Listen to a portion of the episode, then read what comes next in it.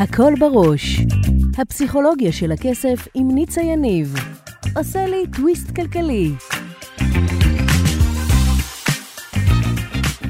ברוכים הבאים לפרק נוסף בפודקאסט הפסיכולוגיה של הכסף עם ניצה יניב. גם היום אנחנו הולכים לעשות טוויסט בחשיבה, לדבר על מערכת היחסים שלנו עם כסף ועל חסמי כסף, וגם לגלות איך תת המודע שלנו מנהל אותנו ואיך ליצור הצלחה כלכלית. יישארו איתי, מיד מתחילים.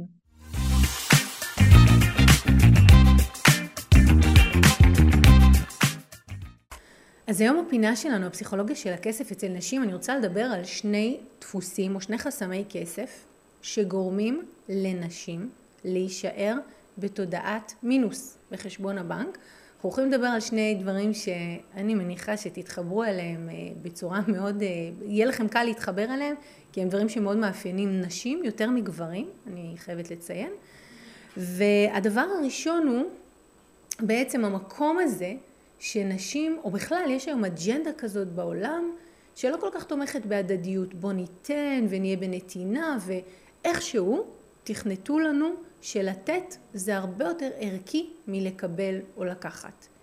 והמון נשים ואנשים מאוד מדברים בשבחי הלתת ואני בעד לתת ואני חושבת שלתת זו איכות מאוד חשובה אבל אם מישהו נותן בעודף אבל לא מקבל בתמורה זאת אומרת אין הדדיות במערכות היחסים שלו הוא יותר נותן מאשר הוא מקבל מה שיקרה לאורך זמן יהיה זה שהוא יהיה חסר. בואו נסביר את זה רגע טכנית. דמיינו באר ולבאר יש קו אדום שמעבר לקו האדום של הבאר אם נמשיך ונמשוך מים המים ירדו מתחת לקו האדום והבאר תמליח את עצמה. ועכשיו בואו ניקח אישה לצורך העניין שהיא בנתינה והיא בעודף נתינה והיא מאמינה באמונה שלמה שלתת זו איכות נפלאה לקחת בכלל לא היא לא בעד לקחת ולא נעים לה לקחת והיא לא מרגישה בנוח לקחת, ולקבל תלוי מתי. דוגמה ללקבל, לקבל מחמאה. דוגמה ללקבל זה לקבל שעושים עבורי דברים בלי שאני נאבקת על זה או נלחמת. ואז אותה אישה, לאורך שנים על ציר הזמן, בעודף נתינה, והיא נמצאת פשוט במינוס. היא עצמה במינוס, כי היא נותנת יותר משהיא מקבלת. אז אני מזמינה את כל הנשים שעכשיו מקשיבות לי, ואני אומרת לכם, זה מצוין לתת. אה, עשו תעמולה נהדרת ללתת, ואני חושבת שצריך בעולם לתת. יש הרבה אנשים שנזקקים ויש הרבה אנשים שצריכים. יחד עם זאת, חשוב מאוד שכל אחד ואחת מאיתנו יהיו ערים לכמה הם נותנים וגם כמה הם מקבלים, וכן חשוב לי להגיד פה משהו שתמיד אנשים אומרים לי, אה, אבל בואי, אני לא רוצה להיות מתחשבנת, אם, נתת, אם נתתי לדני, זה לא אומר שאני חייבת לקבל מדני. נכון, אני לא אומרת שאם נתתי לדני, אני חייבת להתחשבן ולקבל מדני. אבל אני כן רוצה לוודא שבסוף היום אני גם מקבלת מגילה, מצילה ומרינה, בסדר? זה קצת כמו לאכול. אם בן אדם צריך אלפיים קלוריות בשביל להתקיים ולהתנהל ביום יום שלו, אז הוא צריך לאכול את הכמות אנרגיה הזאת כדי להתקיים כמו שהוא רוצה. אם הוא בוחר לרזות הוא צריך לאכול פחות מזה. ואז הוא באמת נמצא בחוסר, אוקיי? זה דבר אחד שאני רואה נשים שעושות הרבה, והיום זאת הזמנה להתחיל לעשות אחרת ולתת לאנשים דברים קטנים. תגידו מה אתן רוצות, תגידו מה אתן מבקשות. אה, כן, תסדרו לי את. עכשיו, קחו בחשבון שיכול להיות שתתאכזבו, תבקשו ולא תקבלו.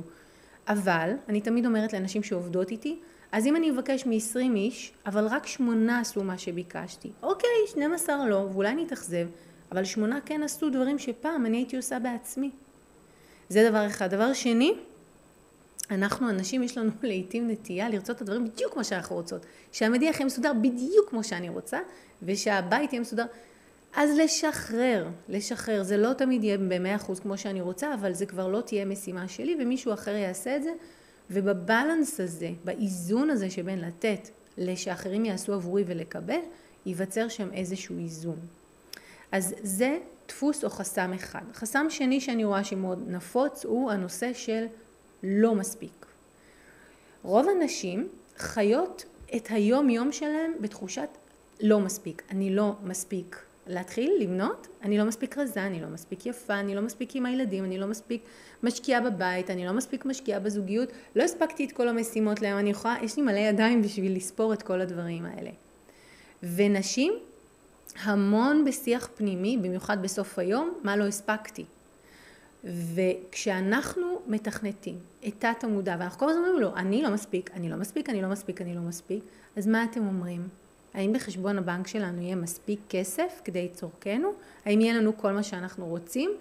או שאת אותו שיח פנימי שאנחנו כל הזמן משנים וטוחנים לעצמנו, ברור שהוא ישתקף בחשבון הבנק שלנו, ואז תת המודע שלנו יגיד, אוקיי, עכשיו הכל הגיוני לי, את לא מספיקה להיות עם הילדים, את לא מספיקה בזוגיות, את לא מספיקה לעשות, וגם בחשבון הבנק אין לך מספיק כסף כמו שאת רוצה שיהיה לך. נשמע הגיוני, לא?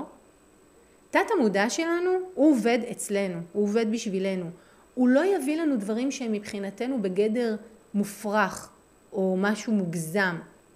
זאת אומרת, אם אני מאמינה, מסתובבת בעולם ומאמינה שאני לא מספיק, זה לא שפתאום איזה בת קול תצא מהשמיים ותגיד, את מדהימה, זה מספיק, הנה תראי את המציאות שלך. לא, היקום, העולם, המציאות שלנו, תומכת במה שאנחנו מאמינים וחושבים.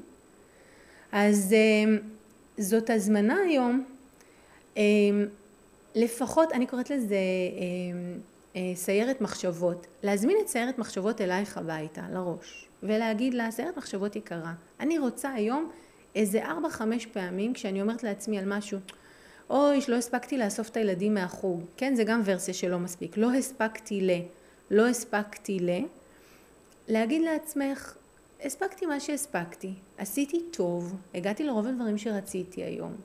בסדר, אי אפשר להספיק הכל תמיד, זה בסדר, אני בסדר, הכל בסדר.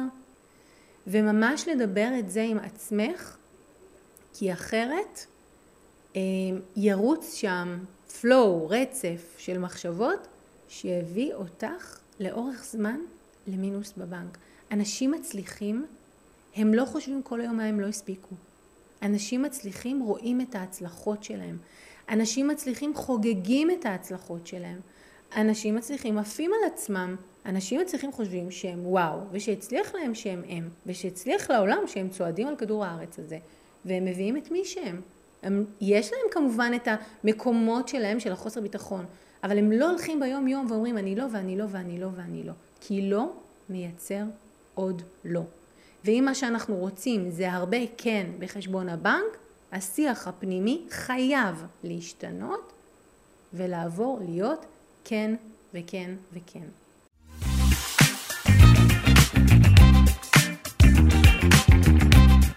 אם אהבתם את הפרק, שתפו אותי למה התחברתם, ממש מעניין אותי לשמוע. אם בא לכם ללמוד עוד על הפסיכולוגיה של הכסף, הנה המקומות שאתם יכולים להתחיל בהם. באתר nicayaniv.com תוכלו להזין לתוכנית הרדיו השבועית שלי שנקראת הכל בראש, וגם להצטרף לקבוצת הפייסבוק שלי, הפסיכולוגיה של הכסף עם ניצה יניב. אם אתם עדיין לא עוקבים אחריי בפייסבוק, באינסטגרם או ביוטיוב, זה בדיוק הזמן לעשות את זה. אלה מכם שרוצים להעמיק, אתם יכולים לפגוש אותי אחת לחודש במפגשים הקבוצתיים לאימון בלייב, או להצטרף לקורס המקיף לשחרור חסמי כסף. תמיד תזכרו, השינוי שלכם עם כסף מתחיל כאן, במקום שבו כסף ותודעה נפגשים. ניפגש בפרק הבא.